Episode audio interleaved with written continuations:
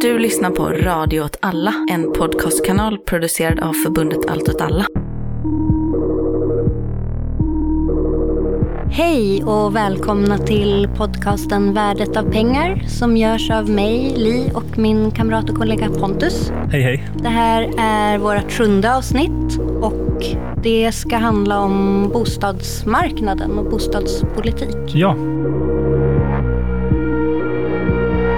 för att möjliggöra detta eh, så har vi bjudit in eh, en annan kollega. och kam- kamrat. Ja, Gustav Ingman, välkommen. Hej, hej, tack. Kul att vara här. Kul att du är här. Gustav, eh, till skillnad från oss, har koll på bostadsmarknader och så. Och framförallt äldre bostadsmarknader. Vill du berätta lite kort vad det är du sysslar med mest? Jag, alltså egentligen vet jag inte vad jag gör här riktigt. För jag, jag forskar visserligen om bostadsmarknader, men framförallt 1700-1800-talet. så jag har inte så bra koll på samtiden. Jag försöker läsa på lite inför här, så att jag ska kunna snacka. Så. Men det är ju vårt ständiga problem också att vi eh, egentligen är historiker kanske. Eller vad man nu ska säga. Ja, det är fan en stretch för, för, För dig för mig. Ja. Ja, Du har ju koll på samtiden. ja, det är nog också en stretch. Men vi, gör, men vi, gör, eh, vi brukar göra vad vi kan här i den här podden. Ja, precis. Och eh, vi, innan vi går vidare så ska vi också tacka Kalle, vår klippare, Mm. för att han eh, får det att låta bättre. Och, Du eh, tänkte säga bra, men ändrade dig. ja, Ja. och eh, Felix Wickman. mm, som gör vår musik. Mm. Stort tack. Jag kan också nämna att när jag kommer prata sen så kommer jag, jag har utgått ganska mycket från dels en eh, del av en SOU som kom 2008. Den delen heter Den kommunala allmännyttans historia och är skriven av Eva Hedman. Och sen också lite från eh, Irene Molinas avhandling om stadens rasifiering. Jag har inga sådana deklarationer att göra. Jag har mest läst rapporter och dylikt. Och tänkt med din egen hjärna. Ja, alltså, ja, jag vet inte. Och eh, ja, man kan ju också komma in på det när man pratar om det. Något man vill. Är det någonting du vill ta upp redan nu Gustav? Eller? Jag har också mest läst rapporter. Jag- tycker det är kul att gräva ner mig i de här rapporterna om finansiella risker och sånt och har väl hämtat mycket därifrån. Eh, och sen läste jag faktiskt inför, inför det här speciellt då, så läste jag en bok av Stig Westerdahl som är en företagsekonom som heter Det självspelande pianot. Kalkylerna och kapitalet som skapar Sveriges bostadskris som handlar om, om vinstberäkningar egentligen i fastighetssektorn i Sverige. Eh, så den är jag skyldig en del.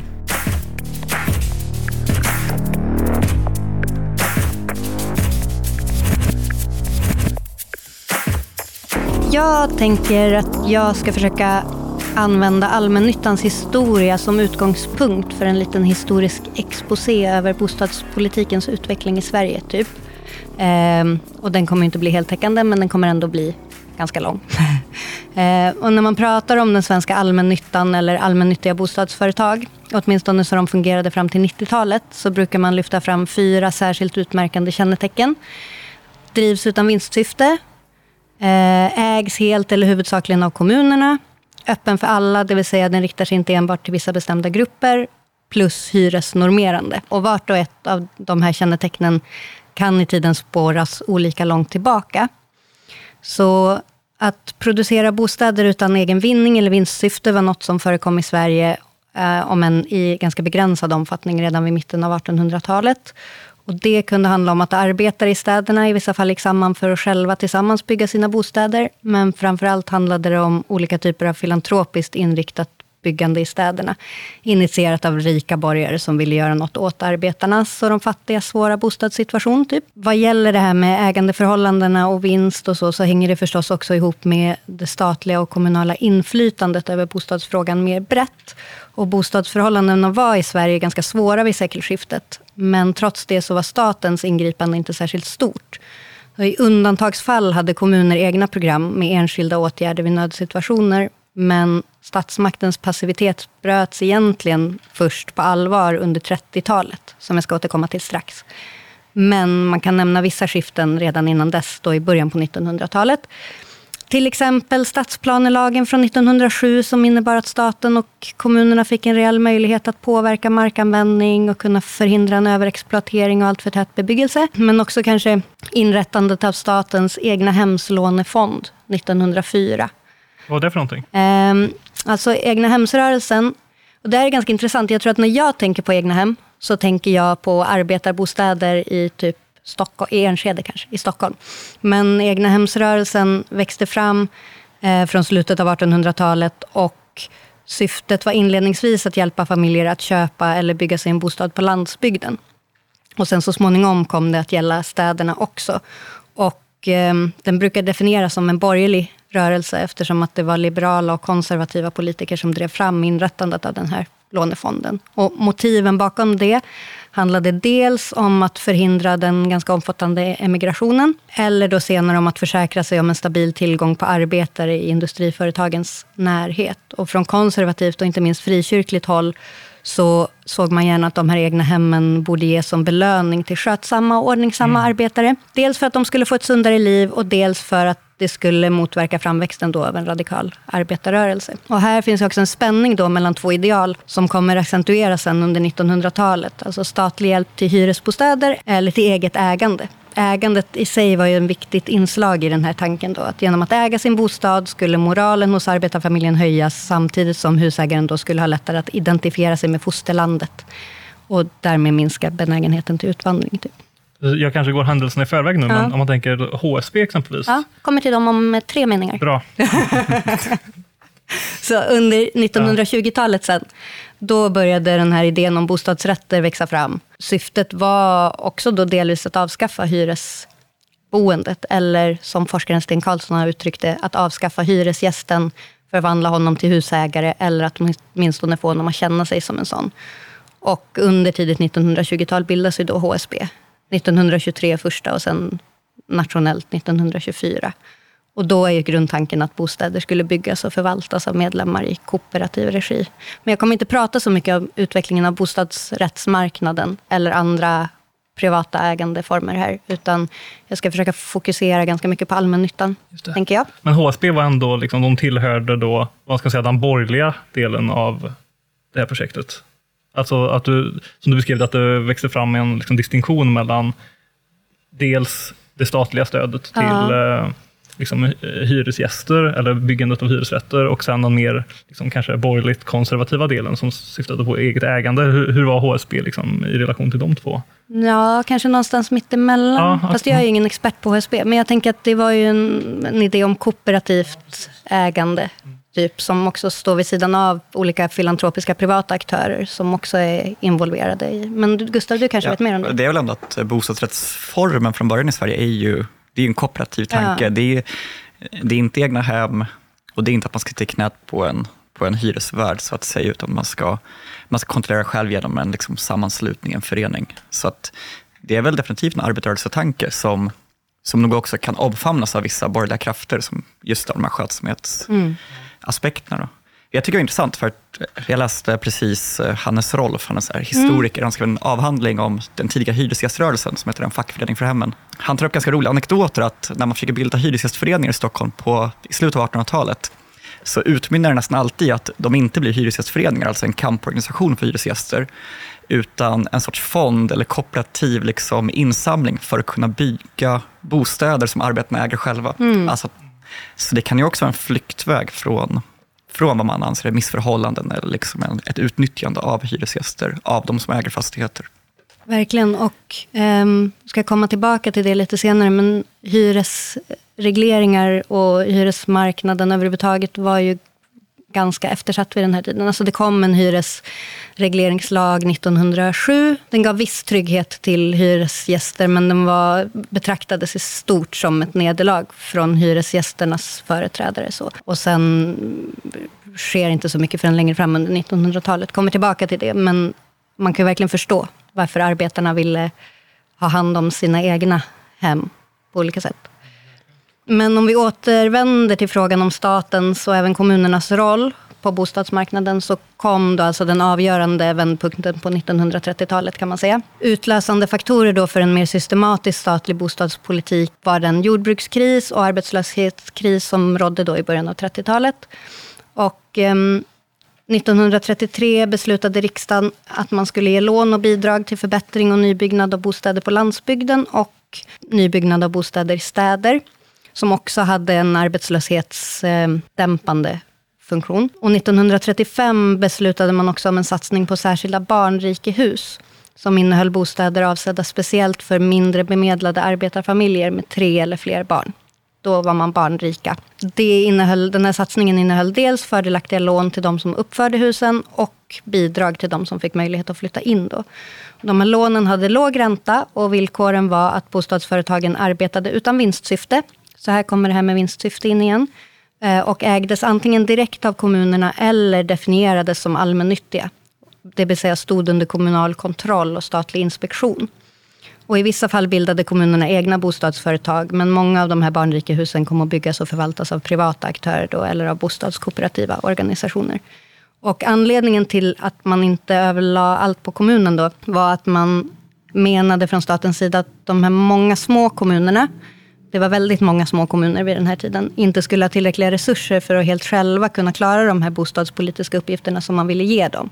Så då behövde man hjälp också från andra eh, men fortfarande kommunalt kontrollerade bostadsföretag. Då. Nu hoppar vi fram i tiden lite, det blir krig. Det är det andra världskriget nu. Och då eh, i samband med krigsutbrottet så avstannade bostadsbyggandet så gott som fullständigt. Och eh, lägenhetsöverskott förvandlades snabbt till bostadsbrist. Både byggkostnader och räntor steg och det var svårt att skaffa tillräckligt med kapital för byggandet. Och då eh, gick staten in med ekonomiska stöd för att få igång det allmänna byggandet. Eh, en utvidgad möjlighet att få lån och samtidigt räntegaranti för de lånen. Och det stödet riktades till hela bostadsbyggnadssektorn, men de var särskilt förmånliga för den kommunala allmännyttiga sektorn. Och här ser vi då grunden till eh, något som ska fortsätta sen under 1900-talet, att allmännyttan har vissa förmåner sett till olika typer av subventioner. Okej, okay, kriget är slut nu. Eh, bostadsstandarden i Sverige är fortfarande ganska låg internationellt sett, eller mycket låg till och med. Eh, dessutom rådde stor bostadsbrist. Så, och samtidigt då så betraktas bostadspolitiken vid den här tiden som en viktig motor för ekonomisk tillväxt och som ett, ett instrument för att påverka konjunktursvängningar. Och nu stiger staten in på allvar som bostadspolitisk aktör.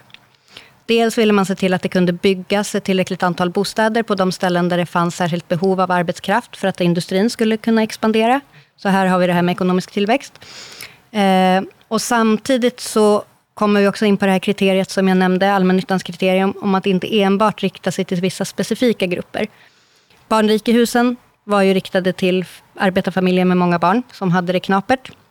Men nu, eh, och det här gäller ju för egentligen välfärdsmodellen generellt som den växer fram Eh, under efterkrigstiden, att man ska rikta sig till alla, det ska vara generellt. Så det ekonomiska stödet till bostadsbyggande skulle gå till alla typer av bostadsproducenter, alla upplåtelseformer och till bostäder åt alla typer av hushåll. Och de kommunala och kommunalkontrollerade allmännyttiga bostadsföretagens bostäder skulle inte vara riktade till vissa speciellt behövande grupper, utan vara till för alla. Det har varit en grej som man ändå tänker att man läser en del om, att de svenska det svenska bostadsbyggandet eller situationen på den svenska bostadsmarknaden skiljer sig ganska mycket från hur det ser ut i kanske Storbritannien med. Social housing Exakt, så mm. att det har ändå funnits en, liksom den liksom universalistiska tanken som ändå så präglar svenska välfärdsstaten också ganska mycket har präglat boendet. Liksom, att vi ska inte ha hus för fattiga, utan vi ska ha... Alla ska ha rätt att bo. Ja, precis. Att det ska finnas, ja. Precis, och samtidigt så kan man se att staten la stor vikt vid kommunernas roll som byggare och förvaltare av de här bostäderna. Bland annat för att de var särskilt gynnade då i samband med de statliga bostadsstöden. Så både kommunerna och de allmännyttiga bostadsföretag som stod under kommunal tillsyn kunde få lån ända upp till 100 procent av bostädernas anskaffningskostnader. kom med tiden också att få skattemässiga fördelar och så småningom också de mest omfattande räntebidragen när man började jobba med det. Och även om man då inte tog inspiration från Storbritannien när det gällde social housing och så, så var det en annan inspiration från Storbritannien som växte fram nu. Så kallade ABC-städer eller satellitstäder som man börjar bygga här. ABC står för arbete, bostad, centrum. Och tanken var då att nybyggnationen skulle ske en bit bort från de gamla stadskärnorna och att de boende i regel skulle hitta då arbete och centrum för handel inom 15 minuter från bostaden. Det här har varit uppe lite i diskussionen nu igen tror jag. Och då byggde man över 800 000 bostäder enligt den principen. Dock främst i Stockholm. De flesta kommuner skrev under på det här, men det var mest i Stockholm det realiserades. Och de mest renodlade ABC-städerna är Vällingby, som invigdes 54, och Farsta, som invigdes 1960. Men vid den här tiden ville man fortfarande inte ha någon social blandning i bostadsområdena. Den ledande arkitekten Göran Sidenblad sa 1948 att för att grannskapet skulle ha en rimlig chans att fylla funktionen som en social enhet, för det var viktigt, mm. så var det en allvarlig förutsättning att gruppens medlemmar tillhör samma klass eller socialgrupp. Så man byggde liksom med det i åtanke. Nu är vi framme vid den kanske största bostadspolitiska satsningen. Kan någon gissa? Miljonprogrammet. Ja. Med hushållens förbättrade ekonomi, 1940-talets stora barnkullar, kända från det här köttberget, eller vad de kallas. Den starka förflyttningen från landsbygd till städer, ökad arbetskraftsinvandring och så vidare, så ökade efterfrågan på bostäder. Och trots kraftigt ökad bostadsproduktion så blev bostadsbristen allt större. Och mot bakgrund av en bostadsbyggnadsutredning som kom 1964 så beslutade man 1965 om ett särskilt miljonprogram. Initierat av sossarna, men alla skrev under på det här. Eftersom miljonprogrammet i praktiken inte kom att innebära en särskilt mycket högre byggnadstakt än tidigare. Alltså, tanken var att eh, man under loppet av en tioårsperiod skulle bygga en miljon bostäder, mm. därav namnet. Um, och jag menar, 1964 byggde man 94 000 bostäder. Så att Byggnadstakten var inte så mycket högre, men man kan som tidigare forskning har gjort argumentera för att det nya i det snarare var sättet det planerades på. Då. Eftersom perspektivet var så storskaligt och så långsiktigt så gavs utrymme för att fortsätta utveckla det rationella och industriella förhållningssätt till bostadsbyggande som hade påbörjats då. Och på 60-talet så var de här nya områdena en del av en symbolvärld som bejakade framsteg, utveckling och funktionalitet och inledningsvis väldigt positivt kodat. Som i den här låten Rågsved. Den kommer ur Hasse och Tages revy Konstgjorda Pompe från 1963. Utsikt över skogen och en lekplats. Gräset lyser grönt. En lektant passar barnen. Det är skönt. Vårt hus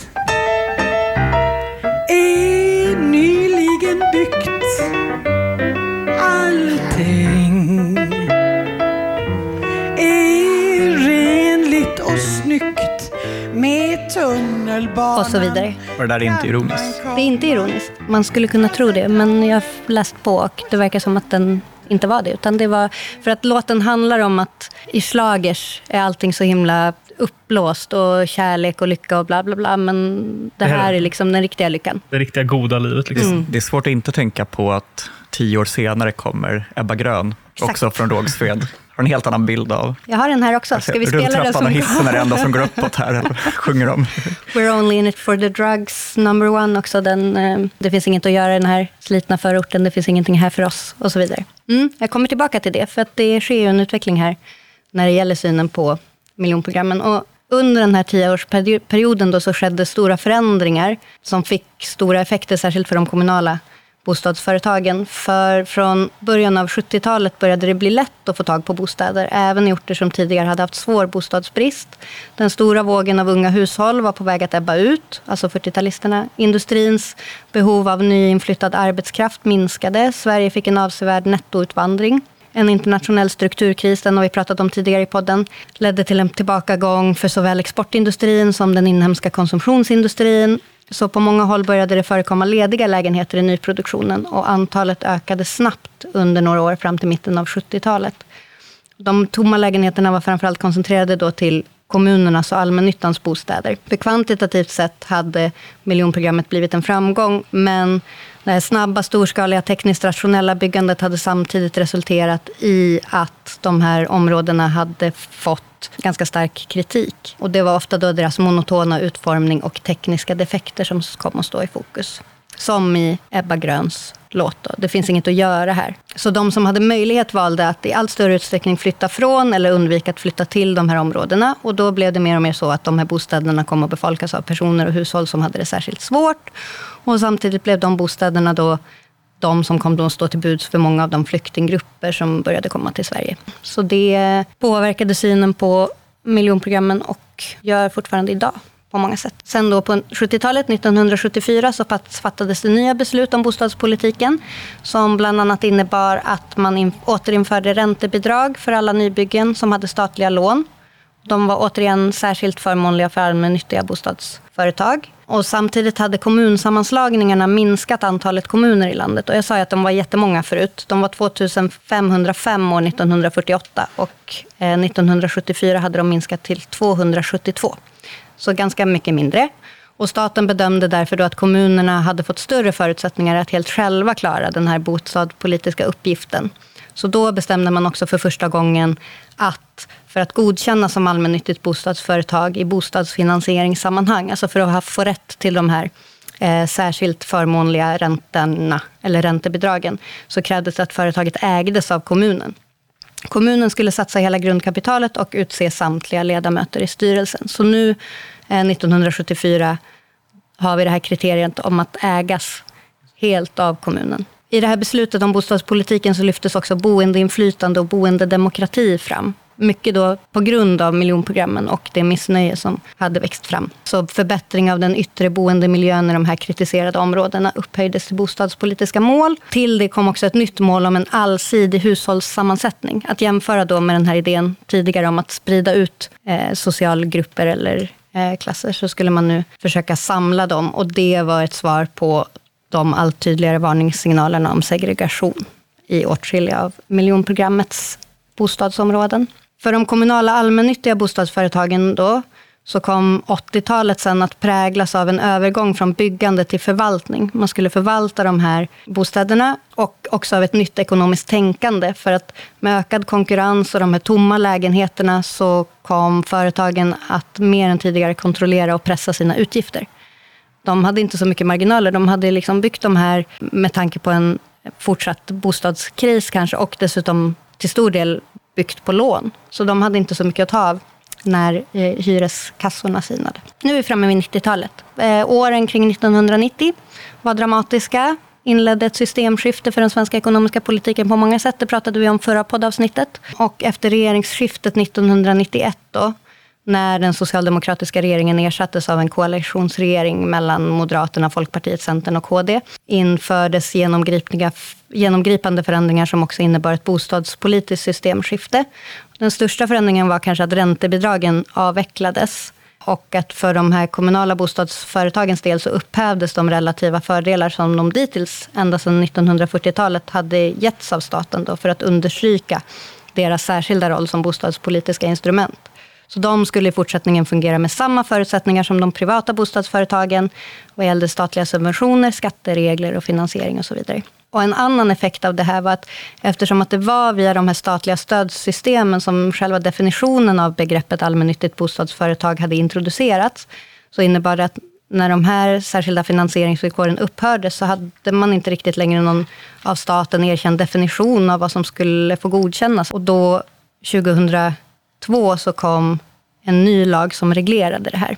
Enligt den här lagen då så var det två villkor som skulle vara uppfyllda för att ett bostadsföretag skulle få godkännas som allmännyttigt. Det skulle drivas utan vinstsyfte, så det kravet var kvar. Det skulle primärt förvalta hyresfastigheter. Men i allbolagen står det alltså inte att ett bostadsföretag måste ägas eller stå under bestämmande inflytande av en kommun för att kunna godkännas som allmännyttigt. Enligt allbolagens andra kapitel skulle dock särskilda regler gälla för kommunala bostadsföretag, bland annat i form av att de måste begära tillstånd hos Länsstyrelsen för att få sälja hela eller delar av sitt bostadsbestånd. Men från och med regeringsskiftet 2006 så blev det ju fritt fram för kommuner att göra det också. Det är intressant för man tänker att efter att skattereglerna liksom harmoniserades mellan eh, allmännyttan och de privata fastighetsägarna mm. så minskade också behovet av att ha en väldigt eh, tydlig definition av vad en allmännytta är. Mm. För, det, eh, det, det, hade ingen det fanns ingen funktionell anledning längre att definiera ut allmännyttan som någonting väldigt särskilt i lagstiftningen heller. Nej, det är ju bara detta då att det ska drivas utan vinstsyfte och förvalta hyresrätter. Det här kriteriet om kommunalt styrt och kommunalt ägt har fallit bort här. Och sen har vi det sista kriteriet om hyresnormerande som vi inte har varit inne på, men som jag kan säga någonting kort om. Under första världskriget, till att börja med, infördes en hyresreglering. Och den var tillfällig och avskaffades 1923, varpå hyrorna ökade dramatiskt. Sen var man utan hyresregleringar och under andra världskriget infördes en ny hyresreglering då, där lägenhetens grundhyra baserades på hyrespriset i januari 1942. Så hyran fick bara höjas om den var avsevärt lägre än hyran för jämförliga lägenheter eller att lägenhetens värde avsevärt hade ökats genom ombyggnads eller ändringsarbete. Men det gällde inte för nybyggnation där hyrespriserna alltså kunde ligga betydligt högre. Men här hade man den här lagen om hyresreglering och den var egentligen provisorisk och omprövades regelbundet av riksdagen. Men den kom att hänga kvar ganska länge. I mitten av 50-talet togs ett första steg mot en avveckling av regleringen. Men en hyreslagstiftning utan hyresreglering presenterades först i ett utredningsbetänkande från 1966. Men 1950-talets avveckling innebar bland annat då att allmännyttans bostadsföretag inte längre omfattades av hyresregleringen utan de förhandlade istället om hyrorna med hyresgästernas organisation. Från och med 68 då så ersattes den här hyresregleringen successivt av ett bruksvärdesystem och det är då allmännyttans hyresnormerande roll kommer in. För då skulle hyrorna i allmännyttans lägenheter ligga till grund för hyressättningen. Men jämförelsehyran som man utgick från då, den skulle sökas bland de högsta hyrorna för bruksvärdesmässigt likvärdiga lägenheter. Alltså inte bland genomsnittshyrorna eh, eftersom man ansåg att det skulle konservera hyresstrukturen och motverka en önskvärd rörlighet i hyressättningen. Så att det här bruksvärdesystemet som sånt hade inte som primärt syfte att dämpa hyresutvecklingen, men att på något sätt förankra den i allmännyttans hyror. Men det här kom också att avvecklas 2011. Så de kommunala bostadsföretagen har inte längre en hyresnormerande roll.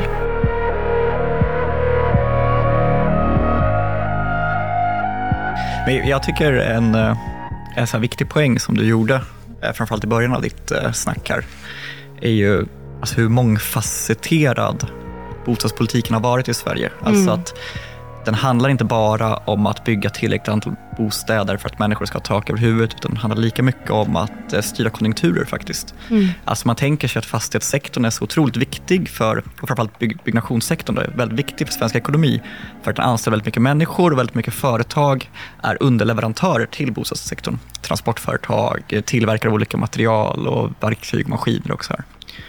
Eh, så att när man liksom när man förankrar den liksom sociala bostadspolitiken i Sverige på, liksom, från 30-talet och framåt så är det ju dels med en tanke att, att bostadsmarknaden inte fungerar som den ska. Man bygger inte tillräckligt mycket och inte tillräckligt mycket av vad folk behöver och till ett bra pris.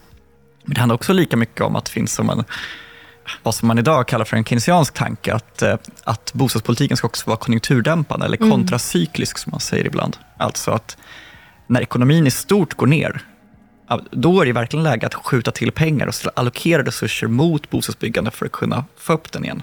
Vi var ju inne på det också i något avsnitt, kommer inte ihåg vilket, men när vi pratade om hur Saltsjöbadsandan växte fram under 30-talet och det faktum att byggnadsfacken gick ut i strejk just när sossarna och eh, bondepartiet hade kommit överens om sitt kris, sin krisplan. Liksom. Och verkligen, verkligen var i behov av att kunna använda byggnadssektorn precis på det här sättet. Så skapade det stor press då från sossarna på LO eh, i sin tur för att eh, hålla tillbaka byggnadsfackens krav. Precis. Också den, eh, knyter an till det, också den historiska spänningen mellan den exportinriktade produktionen mm. och den inhemskt orienterade byggsektorn som då har också helt olika fackliga förutsättningar för hur mycket, hur mycket man kan konflikta och vilka krav man kan ställa. Och mm. På grund av att den ena är liksom mest sammankopplad till den inhemska marknaden och den kan reglera inflationen och kan pusha konjunkturer medan den andra liksom inte har prissättande makt helt enkelt och, eh, och dör i vissa liksom extremfall av facklig militans. Liksom. Men det är också ändå slående att när man ger upp den sociala bostadspolitiken på, efter 90-talskrisen, där, ja. Som ju faktiskt för övrigt är ju en, en finanskris orsakad av eller väldigt mycket lokaliserat till fastighetssektorn. Men eh, det, det är väldigt talande idag att eh, då får man återigen ett, cyk, ett procykliskt byggande, alltså ett, ett byggande som följer cykler. Vi ser nu när det liksom är, räntorna går upp men också ekonomin har massa tecken på avmattning, så blir det tvärstopp i byggandet i Sverige. Alltså, de nya rapporterna, nu kommer jag inte ihåg siffrorna exakt, men det är liksom ett gigantiskt fall och då är vi ändå i en situation där det behövs byggas väldigt, väldigt mycket för att kunna möta ett, en ökad efterfrågan. Jag tror att det är 50 procent jämfört med förra året. Om det är första kvartalet i år eller vad det ja.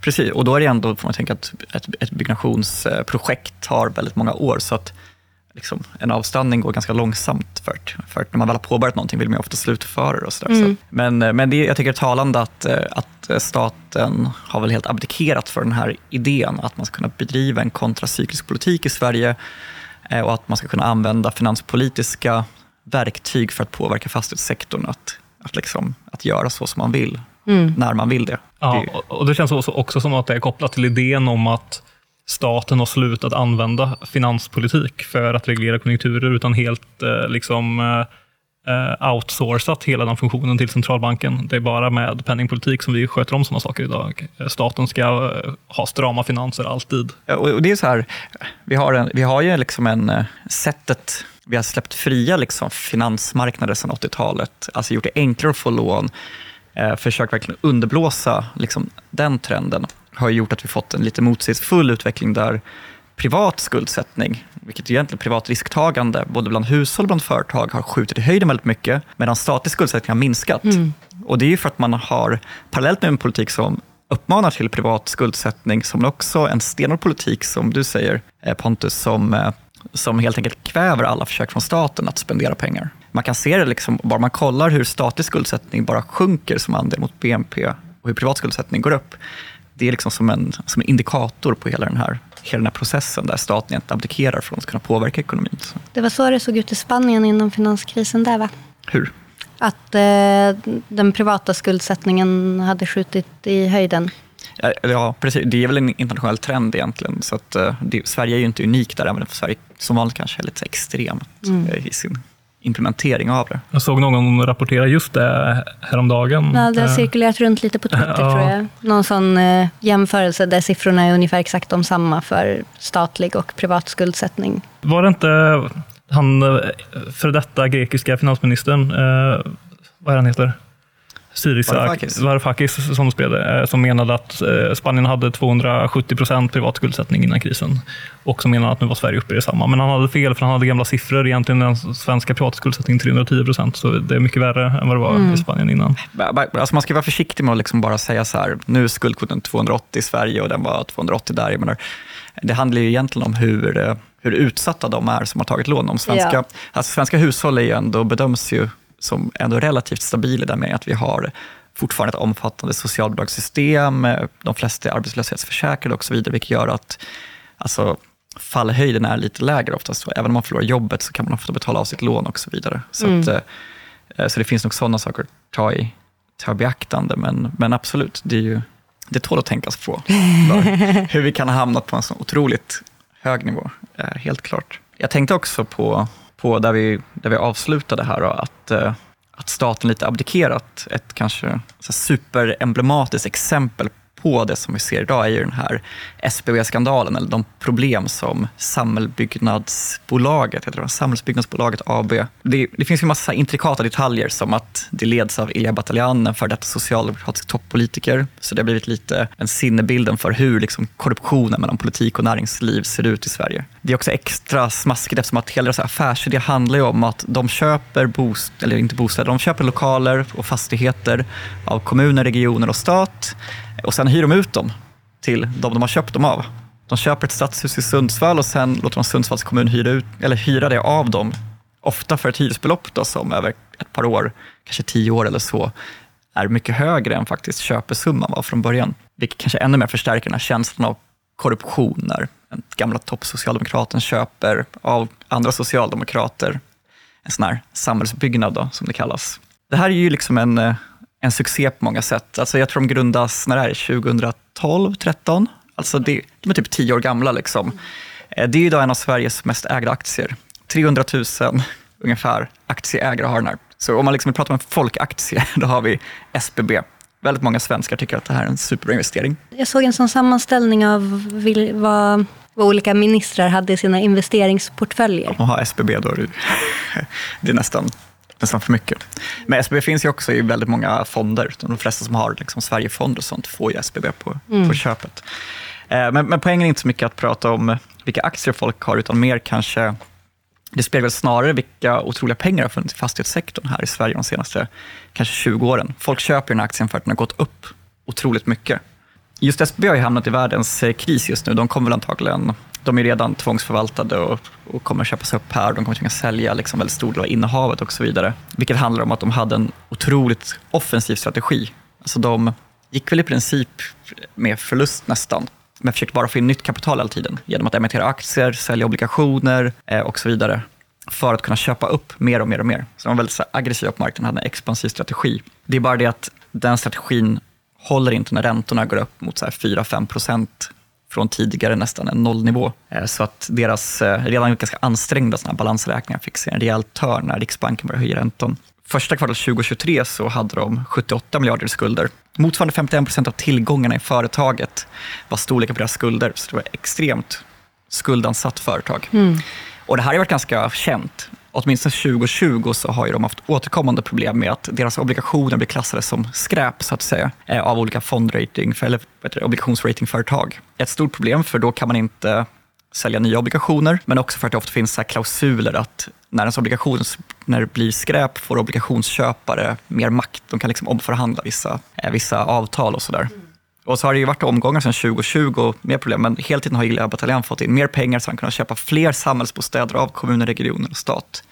Och liksom växa det här imperiet som sven- samhällsbyggnadsbolaget har blivit. Men det är väl en ganska också så talande, talande exempel på hur, hur man verkligen har övergett idén om att ha, ha bostadspolitik. Som, som Li sa, staten, kommunerna, de ska äga hyresbostäder på sin höjd.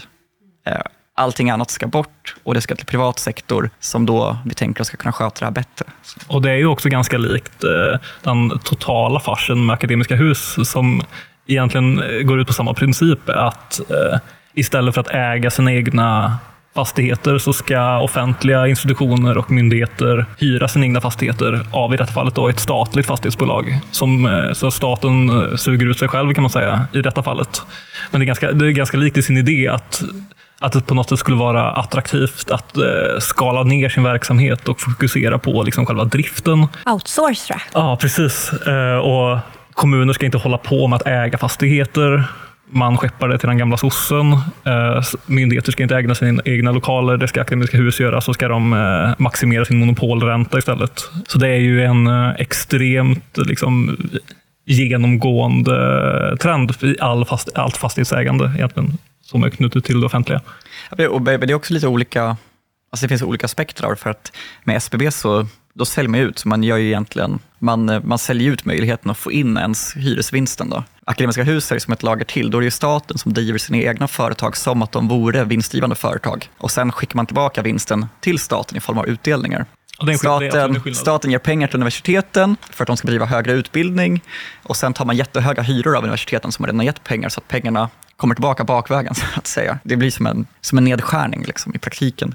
En, en sak jag tycker är intressant med det här också, det är ju, vi pratade lite förut om eh, fastighetssektorn, att den inte bara är en ett liksom redskap för att bygga lokaler som vi behöver, bostäder eller andra typer av lokaler, utan också att den är kopplad till realekonomin. Alltså i, i det fallet vi diskuterade som ett redskap då för att bedriva kontracyklisk En annan aspekt av finanssektorn är ju att den är förknippad med eh, det som man brukar säga är finansiell risk. Alltså, de senaste liksom 20 åren i Sverige har vi haft extremt eh, snabbt ökande fastighetspriser. Det har ledsagats av en ökad skuldsättning. Eh, och det här, det här säger man ofta är någonting som riskerar att brisera i en sorts bubbla. Men sen kan det vara lite odefinierat exakt vad man tänker sig ska hända när den här bubblan brister och vad det kan få för konsekvenser. Och det tycker jag liksom, det kan ju vara viktigt att hålla att försöka liksom reda ut också. Varför fastighetsmarknaden är förknippad med sån här risk, varför det kanske inte är så bra att fastighetsbolag ökar i värde supermycket och har en jätteexpansiv strategi där de försöker ta så mycket lån de bara kan för att köpa upp så mycket de kan, eh, med risken att när räntan höjs med 2% så liksom går de i konkurs. Och en sak, det är ju just det här som, på samma sätt som att de kan positivt användas som ett sätt att dämpa en nedgång, så kan de också förstärka en nedgång. Så om vi får om vi har en ekonomi där fastighetssektorn är högt belånad och hamnar i trångmål, då kommer de förstås sluta bygga när det börjar gå dåligt. Så det får en direkt, liksom, när, när företaget slutar bygga så blir folk arbetslösa, underleverantörer kan inte längre få in ordrar och så vidare. Eh, så att vi får den här liksom, negativa spiralen som kan liksom dras djupare ner i en kris, fastän den kanske inte ens började på fastighetssektorn i, i liksom första läget. Eh, det är också så som, det vi inte har pratat så mycket om kanske också är så här, eh, privat skuldsättning, alltså hos enskilda människor. Att väldigt många svenskar har fått sitt boende genom att ta ett väldigt stort lån. Och eh, det är inte så stort problem så länge människor inte blir arbetslösa, huspriserna fortsätter att öka. Det kommer göra att ens balansräkning ser bra ut, alltså att ens tillgångar, i det här fallet husvärdet, är relativt högt kontra den skuld man har. Om vi får ett läge där priser faller väldigt snabbt, då kommer ju de här konsumenterna titta liksom på sitt lånekonto och inse att om man skulle göra en liksom uppdatering av beräkning av värdet på vad jag äger, så skulle det börja se jävligt dåligt ut. Och väldigt mycket forskning har visat det att konsumenter som har stora lån, eh, framförallt fastighetslån, under den typen av konjunkturer, de tenderar att hålla i sina pengar. De slutar konsumera. Så det är ytterligare en sån här förstärkande faktor. Det, liksom, det gör att i ett läge i ekonomin där folk borde spendera så mycket som möjligt, man borde få folk att släppa sina pengar för att få liksom hjulen att rulla igen, så blir människor ännu mer rädda. För att de har ju tagit den här risken när de köpt sin bostad och belånat sig till väldigt höga belopp. Och det sista är att det här också kan slå över mot finanssektorn.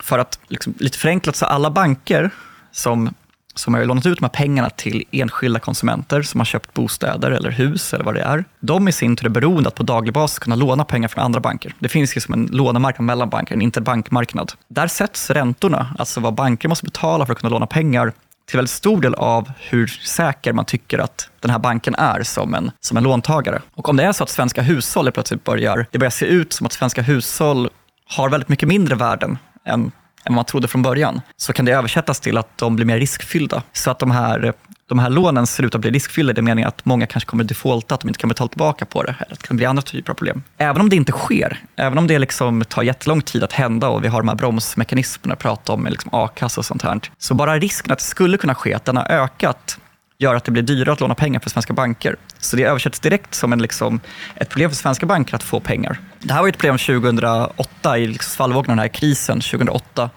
som en bostadskris på amerikanska marknaden. Då var det ju banker som Swedbank till exempel som hade lånat ut väldigt stora belopp i Baltikum, vilken var en lånemarknad som drabbades väldigt hårt av den här krisen. Eh, och svenska staten fick, jag kommer inte ihåg hur många miljarder det var de skickade in i stödlån, liksom bara över ett dygn bara för att kunna garantera att det finns likviditet i bankerna, alltså att de har pengar att röra sig med, och signalera till alla de som har gett ut lånen att vi kommer backa våra banker vad som än händer, så snälla ge dem hyfsade räntor så att de inte behöver gå i konkurs. Ett lån är en hävstång, alltså det är liksom, när räntan höjs med 2% så blir det väldigt mycket högre månadskostnader. Det gäller både för bankerna att låna pengar, det gäller för oss privatpersoner, vi lånar pengar. Eh, och det gör ju att vad som kan se ut som ganska små förändringar kan få väldigt liksom, snabba, drastiska konsekvenser för systemet. Och då kan det uppstå till exempel finanskriser, alltså att banker går omkull och att eh, låneinstitut har svårt att, eh, att erbjuda de som vill låna pengar, pengar. Vilket åter är förstås ett jätteproblem i ett läge där ekonomin går neråt och man vill att folk ska börja spendera det är då de ska ta de här lånen och liksom göra investeringar att får att rulla på igen. Riksbanken släppte, släppte precis en promemoria, eller här, ett, ett memo, antagligen, och säger inte det rakt ut, men antagligen lite på grund av de här problemen som har varit i fastighetssektorn. Mm. Då släppte de en promemoria om vad de uppfattar är en ökad risk i svensk fastighetssektor.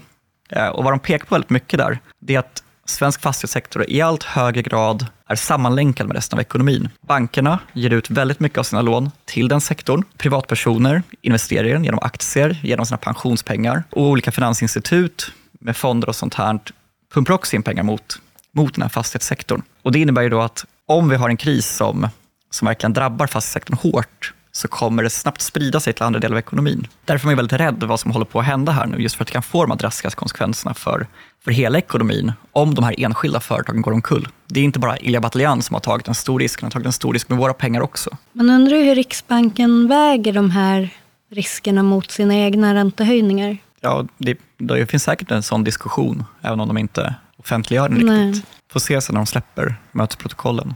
när det, Hur, när, när gör de det? jag vet faktiskt inte när det blir. Jag vet inte vad de innehåller idag heller. Jag vet att de som gick igenom arkiven på typ 50-60-talet hittade väldigt så här detaljerade diskussioner om liksom, svensk ekonomi och så. De var väldigt noggranna. Liksom. Så som det är idag så är ju Så Räntehöjningarna själva är ju den största bidragande orsaken till att vi fortfarande har hög inflation. Det har ju tagit över eh, elpriset som bidragande faktor, tagit över matpriserna och allting. Så nu, är, nu har vi ju en riksbanksledd inflation, när det var de som vi out- outsourcade ansvaret till att eh, hantera problemet. En ränteprisspiral. En ränteprisspiral, ja.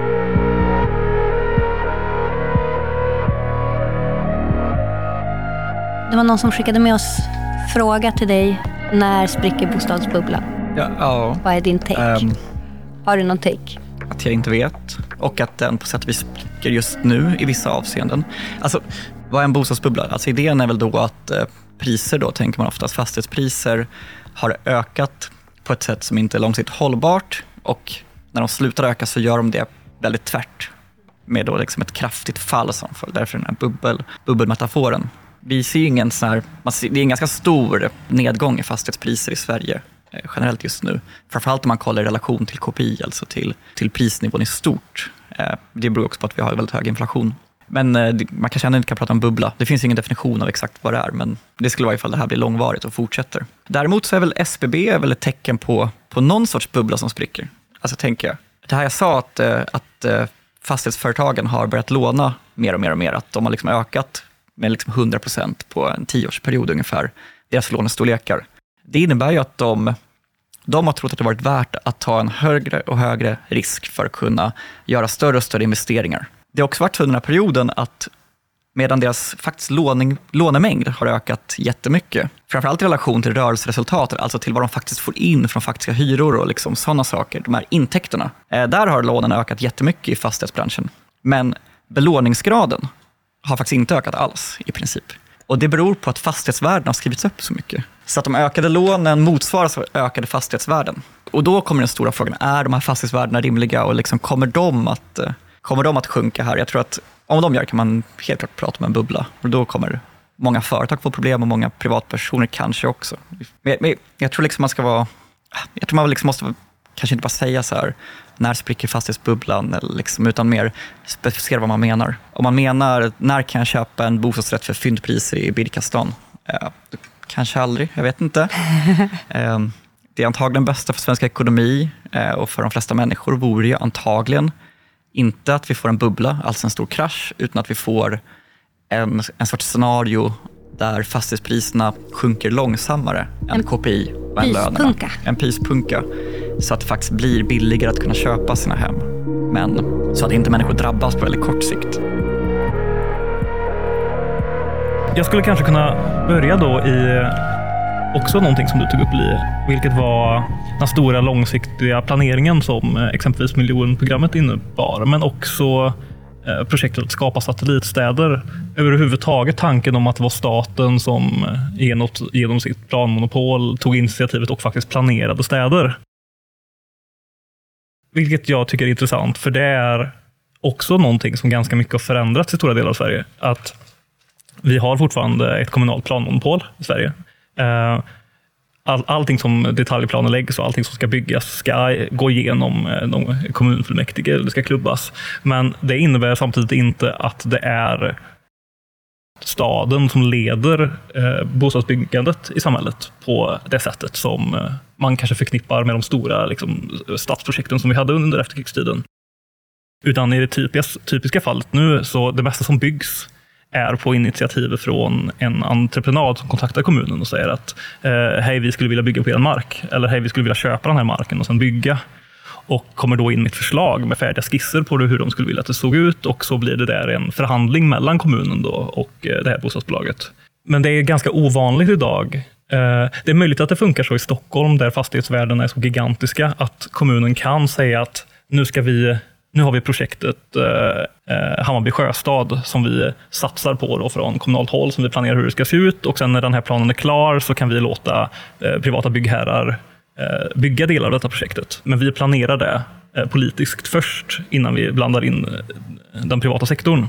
Vet inte exakt hur det gick till i Hammarby sjöstad, men på, många, på de flesta andra ställen i Sverige så har inte kommunen den makten och tar inte det ansvaret på grund av att ingen vill bygga någonting som kommun, kommunen planerar på det sättet, för att det är inte lönsamt. Om kommunen först skulle göra upp en detaljplan över ett nytt oexploaterat område, kanske i stadens utkant, och sen blanda in privata aktörer när det här var klart, så hade ingen velat bygga. För att priset för att bygga Eh, eh, står inte på något sätt i proportion med vad man kan ta ut i hyresintäkter, givet de kraven som kommunen rimligtvis skulle vilja sätta på det här byggandet. Så det finns hela tiden en spänning mellan vinstmarginalerna för de privata aktörerna som vill bygga och kommunen som vill detaljplanlägga detta området och ha vissa krav. Vissa krav kan vara väldigt banala som när man bygger lägenheter så behöver man också bygga parkeringar. Vanligtvis är det att man har ett P-tal någonstans på 0,5 kanske innerstan. Att om man bygger 1000 lägenheter så måste man fixa 500 parkeringsplatser. Eller i utkanten så kanske man har ett P-tal som är något högre, liksom, kanske på 1,0 på vissa platser. Om man då bygger och planerar från kommunalt håll så vill man väldigt gärna bygga ner de här parkeringarna under marken. För annars måste man asfaltera alla parker, man måste asfaltera, riva alla skogar och bygga stora öknar och parkeringar där istället. De privata aktörerna har, liksom, det, det finns inget budgetutrymme i deras byggnadsprojekt för att man ska kunna gräva ner parkeringar. För att det kostar 300 000 kronor per parkeringsplats och då går inte kalkylen ihop. Liksom. Så här finns det hela tiden en spänning. Men det som har hänt i diskussionen om bostadsbyggandet har ju varit att den den stora offentliga eller kommunala byråkratin har blivit fienden i detta. Eh, under 10-talet har man liksom pratat om att man ska undanröja hinder för att få igång bostadsbyggandet och det kommunala planmonopolet på något sätt har blivit fienden här. Det tar sju år eller det tar fem år innan en detaljplan går igenom och därför måste man då eh, urholkar det kommunala monopolet och lämnar över detta på de privata aktörerna så att de kan smidigt liksom bygga på ett sätt som är lönsamt för dem eller eh, att de inte blir nedtyngda av de här stora byråkratiska apparaten. Så det kom ju lite statliga utredningar under 10-talet. En 2019 som handlade om privat initiativrätt som då eh, förändrade lagen och eh, nu kan en exploatör genomföra vissa saker själv.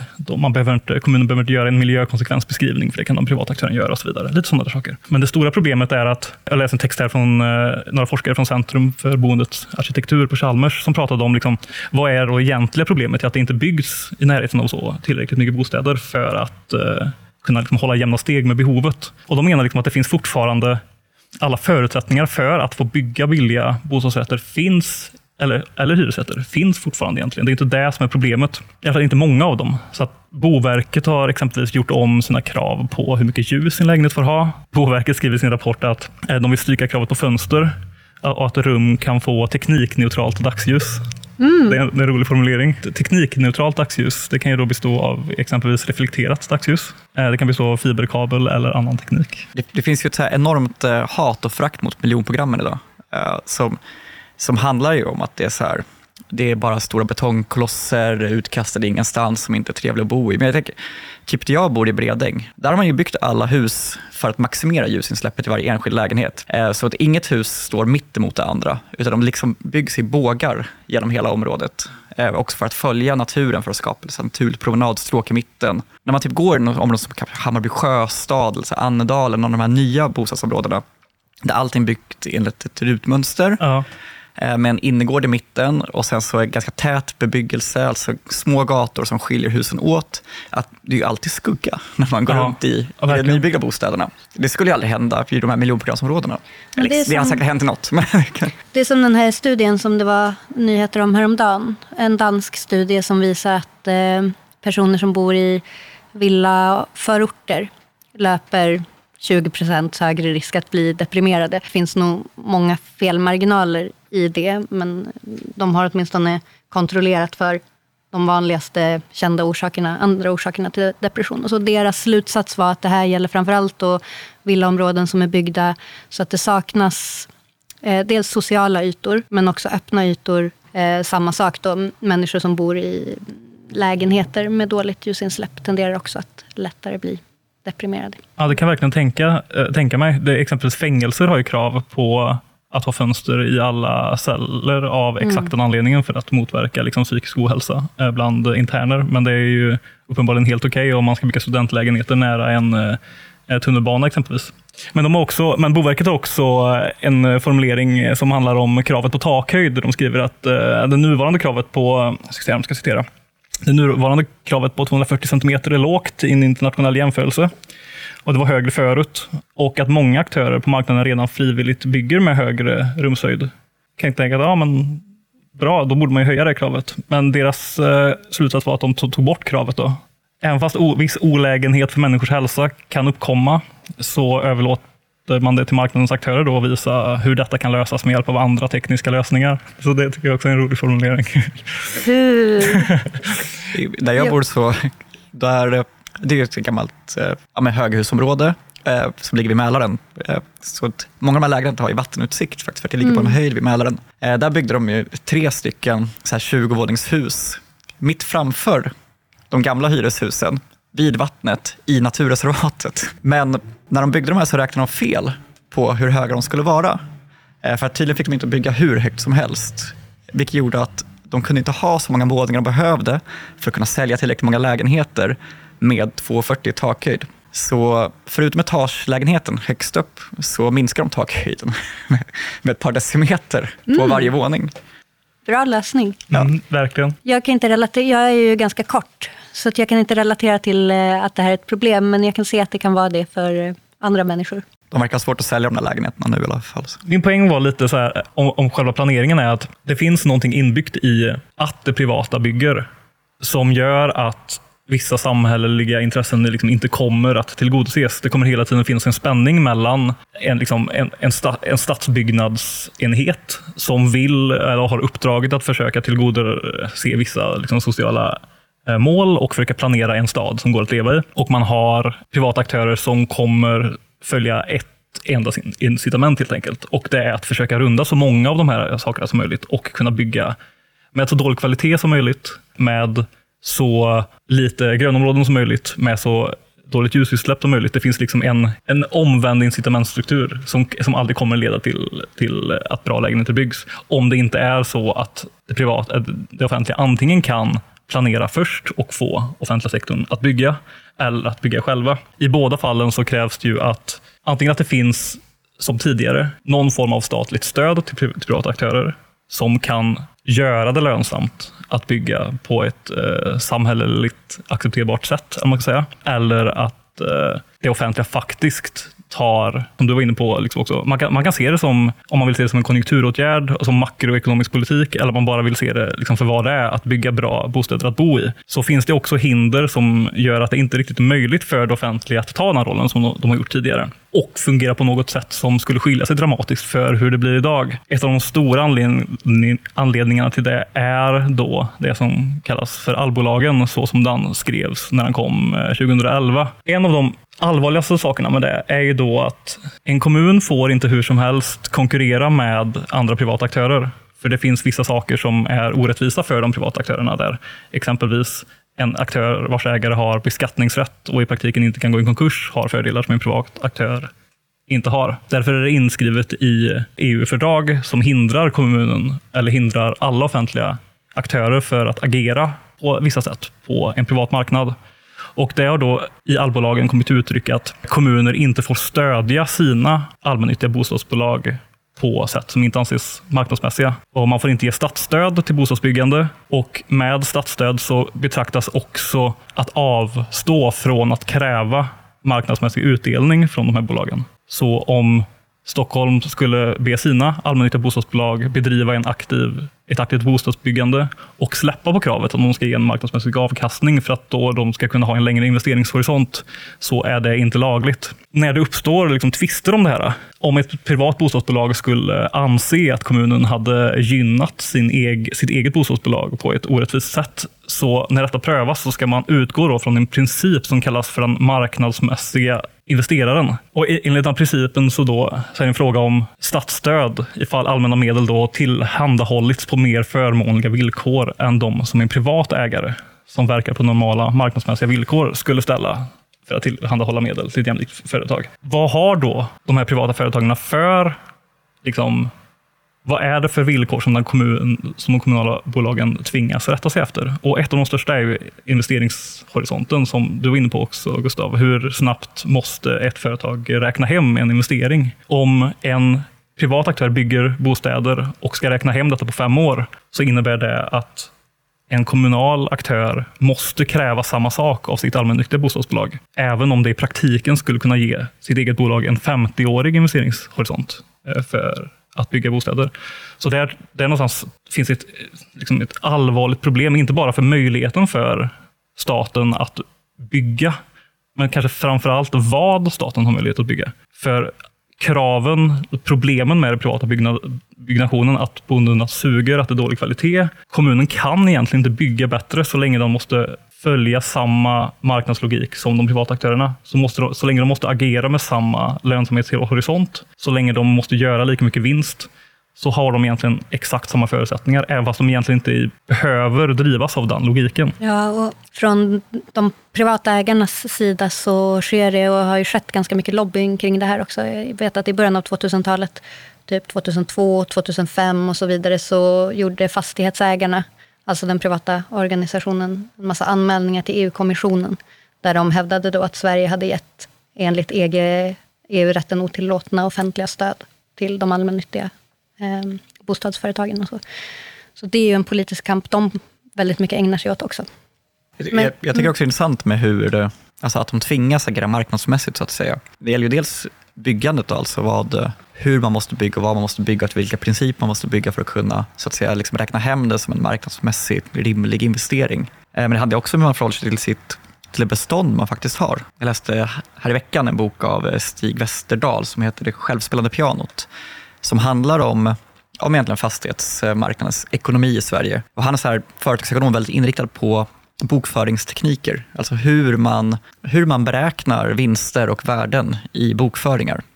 Eh, för en sak som kommer det här EU-inträdet och liksom de här kraven från, från fastighetsägare och andra politiker och sådär på att allmännyttan skulle bli marknadsmässig var att man skulle ha samma redovisningsprinciper som att man vore ett privat företag. Eh, och han trycker jättehårt på något som kallas för kalkylränta, som egentligen handlar om hur man ska kunna beräkna ett fastighetsvärde efter man har gjort en investering. Så att, säg att man bygger en, ett hus för 10 miljoner, eh, ett hyreshus. Det kanske är billigt, men för exemplets skull. Mm. Liksom. Ett litet hyreshus med ja, väldigt låg takhöjd ett väldigt, och inga fönster. Väldigt gulligt hyreshus för 10 miljoner.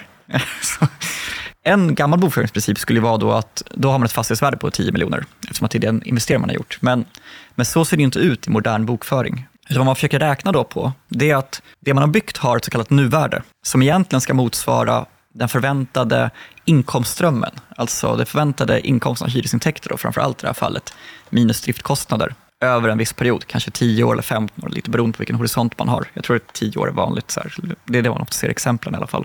Det känns som ett rakt av, finansialis en rakt av finansialiserad bokföringsteknik. Ja, precis. Och det finns ju rimliga saker med det. Att det är ju så här, om du byggde någonting för 100 år sedan så så kan det ju öka i värde för att liksom resten av samhället förändras och liksom bostadsmarknaden förändras. Och, så mm. och i någon mening så, så är det ju inte helt orimligt. Man tänker sig att ett värde av en tillgång ska på något sätt ha, korrespondera med förväntade inkomster från den. Dock så liksom, det här blir snabbt väldigt komplicerat när man faktiskt ska göra de här beräkningarna av ett nuvärde.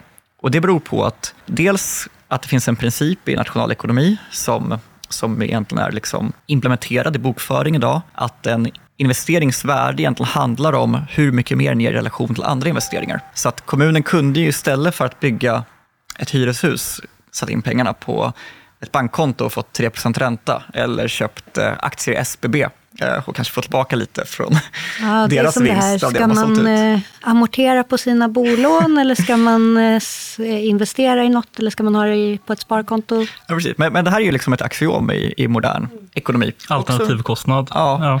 Alltså det finns ju liksom någonting rimligt i det här, mm. att man ska tänka investeringar i relation till andra investeringar. Men det kan bli lite konstigt också om man är ett allmännyttigt bostadsbolag vars mål är att bygga prisvärda hyreslägenheter. Då. Visst, för det känns som att alltså, det sättet att se på en investering känns som att det är gjort för att möjliggöra en effektiv börsvärdering. Alltså en, ett sätt att beräkna ränte, hur mycket ränta man kan få ut av en viss investering. Ja, det finns ju, om man är ett börsnoterat bolag så är det ju väldigt viktigt för aktievärdet vad, vad man tror att ens investeringar kommer leda till.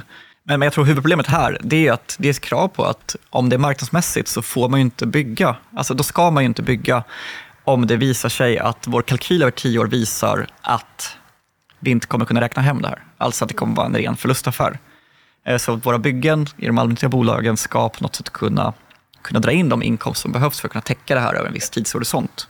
Men då givet att man faktiskt tänker sig att det finns andra liksom, möjliga investeringar och att det också finns en idé här att pengar idag är mycket mer värt än pengar om tio år. Alltså att man betalar i princip en kostnad för att inte få använda pengarna här eller inte ha pengarna här och nu.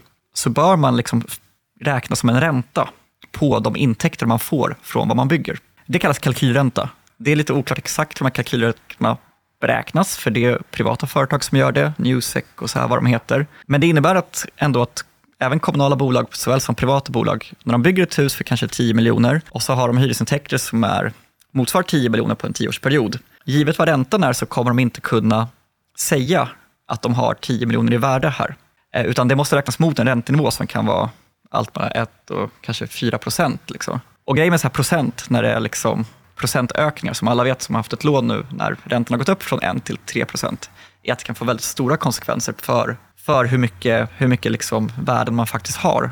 Vilket alltså betyder att beroende på vilken kalkylränta man har så kan de här byggprojekten gå ihop eller inte gå ihop enligt de här bokföringsmallarna. Och det finns här ganska absurda exempel. från Sundsvall kommun som de, de lyckades typ förhandla ner sin kalkylränta 0,6 procentenheter från 3,6 till 3.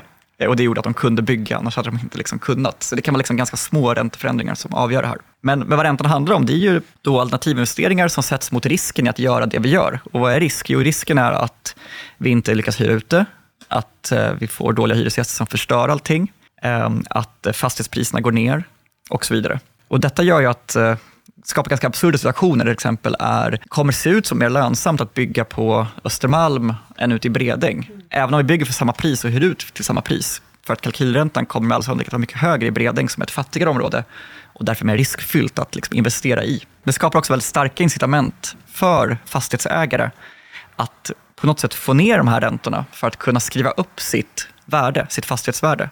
Alltså jag sa ju här att, eh, tidigare att eh, medan fastighetsföretagens lån har ökat supermycket så har deras belåningsgrad, alltså relationen mellan värdena av deras innehav och lånen, inte ökat alls nästan under de senaste tio åren. Och det beror på att de här fastighetsbolagen har varit väldigt duktiga på att skriva upp värdena av sina tillgångar.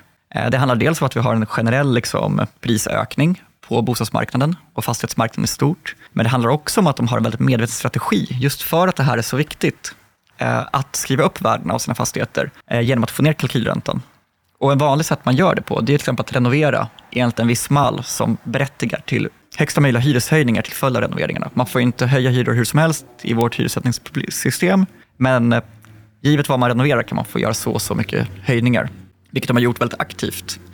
Eh, och när Stig Westerdahl han tar upp liksom ett exempel med, i Rosengård på Herrgården, att när Victoria Park som ett fastighetsbolag köpte delar av fastighetsbeståndet där för 280 miljoner så annonserade de omedelbart att de skulle göra olika renovationer och på olika sätt komma till rätta med sociala problem som liksom var att människor bodde väldigt många på samma adresser, skrev sig på fel adresser och så vidare. Och bara att de annonserade att de skulle göra det gjorde att de sen kunde förhandla ner sin kalkylränta, vilket gjorde att så deras fastighetsinnehav ökade då i värde från 280 till runt 12 miljoner. Och det som är intressant då att om ett fastighetsvärde ökar för ett företag, som här med 11 procent, då kommer det gå in som en omedelbar vinsthöjning i årsredovisningen.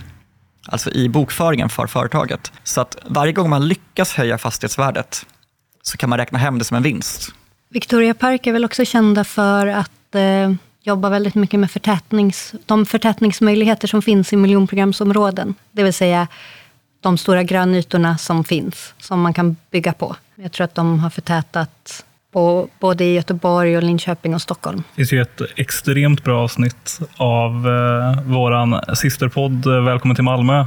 Avsnitt 28 som heter Percys sista rodeo som handlar om den stora insiderhärvan som följde på den här affären. Där de gräver ner sig i förundersökningsprotokollen. Bland, bland det bästa som har kommit från den här radiokanalen. Så det, det, det rekommenderar jag alla lyssnare att ta en titt på.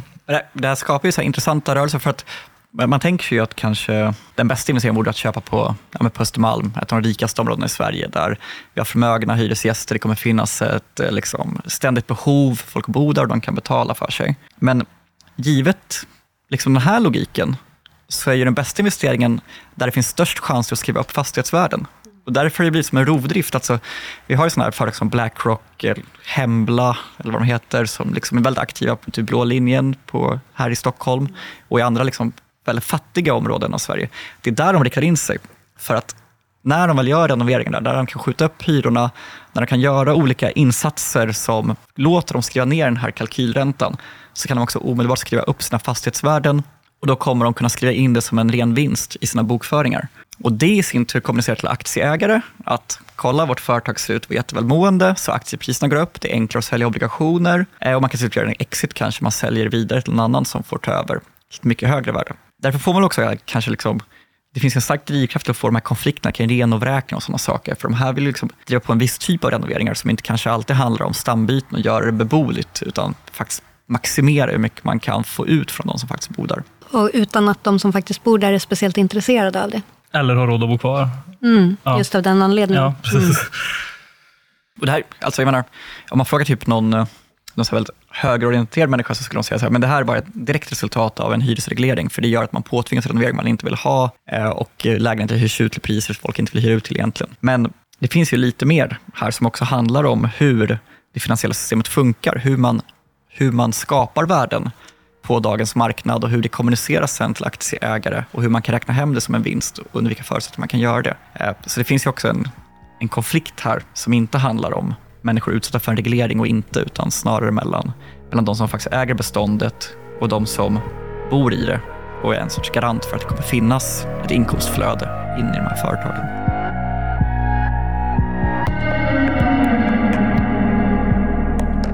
Men forskarna på eh, Chalmers hade ju dragit slutsatsen att eh, om man jämför med eh, avskrivningstiden som eh, privata byggherrar använder, arbetar med idag jämfört med hur det sett ut tidigare historiskt så kan man direkt kapa bort någonstans mellan 2000, tre- två- mellan 2 och 3 000 kronor i månaden på alla hyror bara på grund av ockervinster som är nödvändiga för att få för att möjliggöra att projektet ska kunna räknas hem på den tidsperioden som är ansedd vara marknadsmässig liksom, i ett, eh, ett samtida finansiellt bostadsbyggande. Ja, just det. Så om man skulle bara förlänga den tidsperioden med x antal år. Ja, då hade det gått att räkna in projekt som var mer ambitiösa. Då hade det varit möjligt att ställa politiska krav på byggherrar, även fast, de inte, även fast det inte var den offentliga sektorn som byggde.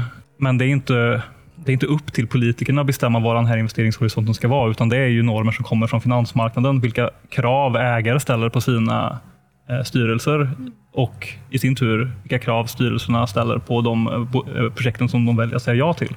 Och konsekvensen blir då att så fort, så fort staden ställer ett krav på någon entreprenör som är att nej men vi vill ha kvar vår park, ni får bygga ner era parkeringar under jord. Eller nej men vi vill faktiskt ha fönster för den här lägenheten.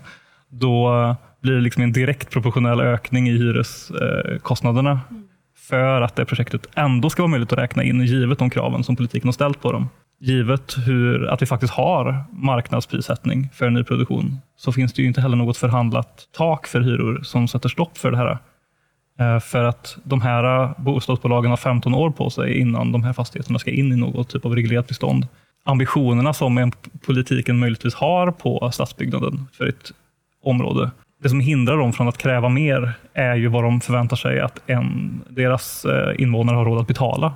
Så, det, så krisen är dubbel, att det inte byggs är den ena saken, men att ingen har råd att bo i det som byggs är den andra. Då kan man prata om att ja, men om vi, vi kan kapa regleringar så kommer det bli billigare. Ja, men kärnan är ändå att för att bygga bostäder så behöver man ha en investeringshorisont som bara en offentlig eh, sektor kan bära egentligen. Det allmänna kan bygga med en investeringshorisont på 50 år om de vill, men får inte eh, för, på grund av lagstiftning bete sig på det sättet. Och därför kan vi inte få fina saker i denna världen. Tack för att ni lyssnade på dagens avsnitt av Värdet av pengar. Och, Ja, och stort- framförallt stort ja. tack till dig Gustav för att du kom och pratade med oss Det var om roligt det här. att vara här. Du får komma tillbaka när bubblan spricker. Jag tänkte precis fråga, vad ska jag prata då? då kan jag prata om mitt riktiga Du kan är prata- 1700-talets bostadsmarknad. Tänkte jag säga det, vi har ju inte berört din forskning. Om ni har några frågor så kan ni eh, antingen mejla dem till radio.alltåtalla.se eller så kan ni skriva till eh, Li som heter Li Eriksdotter på Twitter. Mm. Eller så kan ni skriva till mig som heter PNTSNS på Twitter. Eller till Gustav, vad heter du på Twitter? Gustav Ingman. Fast jag är ganska dålig på att svara. Jag kan hålla koll närmsta dagarna kanske. Gör det. Stort tack för att ni har lyssnat. Tack, tack. Tack. Hej då. Hej då. Hej då!